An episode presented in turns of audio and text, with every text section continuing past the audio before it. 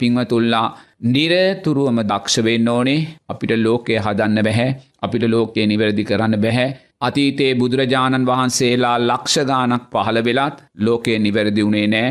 අපේ ගෞතම බුදුරජාණන් වහන්සේ මීට වසල දෙදා සයිසියකටිතර පෙරාතුව පහළුනා කියලා ලෝකය නිවැරදි වුණේ නෑ. ලෝතුරා බුදුරජාණන් වහන්සේ පිරිනිවන් පාලා වසර පන්සීයක් යනකොට මුල්ලු ඉන්දියාවෙන්ම බුදු දහම අතුරු දහං වෙලා එන තත්වට සමාජය පත් වනා. ඉං අදහස් වෙන්නේ බුදුරජාණන් වහන්සේ නමකටවත් මේ උතුම් සම්මා සම්බුධ ශාසනයටවත් මේ උතුම් චතුරාර් සත ධර්මයන්ටවත් ලෝකයේ නිවැරදි කරන්න පුළුවන්කමක් නැහැ.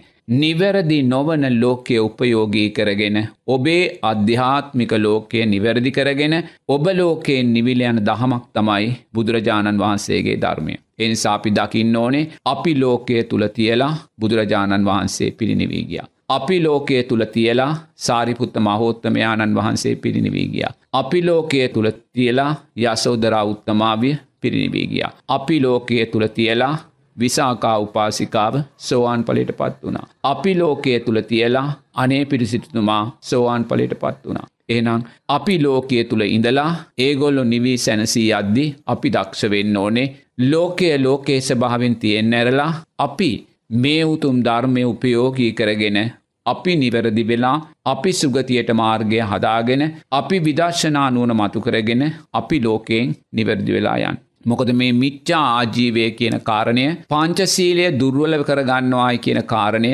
සම්මා සංකප්ප දුර්වල කරගන්නවායි කියන කාරණය සම්මාධිට්්‍යය දුර්වල කරගන්නාව කියන කාරණය අද මේ ආගන්තුකෝ අපිට ආපු ධර්මතාවයක් නෙමේ එක තේරුම් ගන්න. ලෝතුරා බුදුරජාණන් වහන්සේ ජීවමානව ඉන්න සමාජෙත් ජේතවනාරාමි පෙනි පෙනී අර චුන්ද සූකරගේ ඌරුමස් මරණ ගොයිපල තිබ්බා. ඌර මරණකොට ජේතවනාරාමිටේ කෑගහන ඇහෙන තැනක තිබ්බා නමුත් බුදුරජාණන් වහන්සේ ඒව බලක් වන්න ගිය නැහැ. ඒම නැත්තං කොසොල් රජතුමාට බිම්බිසාර රච්චුමාට කියලා මේ මස්කඩේ මෙතනින් අයින් කරන්න කියලා කිව්වේ නැහැ. ඒවා හේතු පලධර්මය. ඒ වගේම ලෝතුරා බුදුරජාණන් වහන්සේ ජීවමානුව වැඩසිටිද්දී කොසොල් රජතුමා ගත්තත් අජාසත්ත රජතුමා ගත්තත් ඔය කවුරුන් රජවරු ගත්තාත් ඒ රජවරු අධිකරණයන් තුළින් දඩුවම් පැනෙව්වේ නිරතුරුවම සම්මා සංකප්ප දුර්වලක වෙන දිසාවට. සම්මාධිටි දුර්වල වෙන දිසාවට. බුදුරජාණන් වහන්සේ ජීවමානවේද්දේ මනුස්සයෝ මහපොළොවේ වලලලා බෙල්ල විතරයිලියට තිබේ. ඇඟම මහපොළොව වල්ල දාලා මැරණකම්ම තිබ්බා.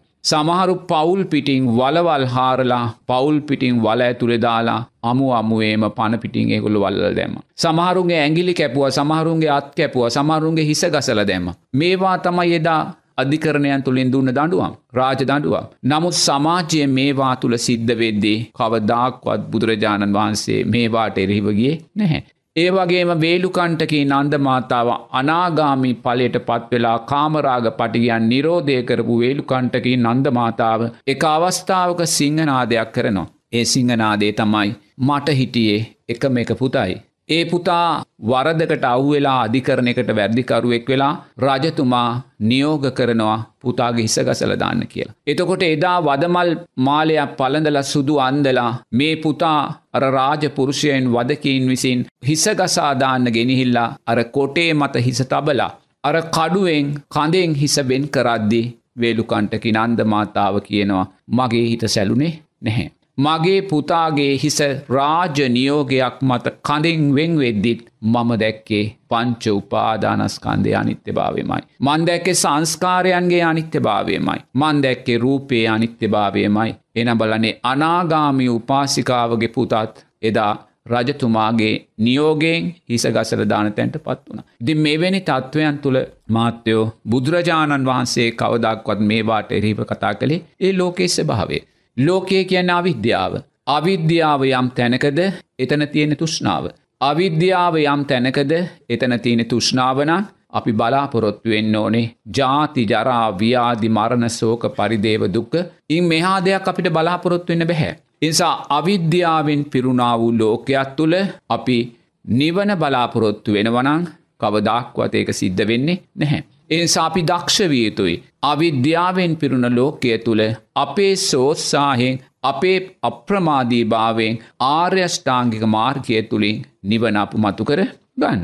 එනිසා බුදුරජාණන් වහන්සේ ජීවමානව ඉද්දිත් මෙවැනි මිච්චා ආජීවයෝ මෙවැනි පංසසීලේ දුර්වලභාවයන් මෙවැනි සම්මා සංකප්පයන්ගේ දුර්වලභාවයන් මෙවැනි සම්මාධිට්ටියේ දුර්වලභාවයන් සමාජය තුළ විවෘත්තව එහි පස්සිකොල්පකටුණා. නමුත් කොතනකවත් බුදුරජාණන් වහන්සේ මේවාට විරුද්ධ වෙන්න කියලා උන්වහන්සේ කිව්වෙත් නෑ සංඝයා ඊට පෙළඹුවෙත් නැහැ. ලෝකේ ලෝකේ ස්භාවෙන් තිබ ලෝකේ කොතනකොත් වරදක් නැහැ.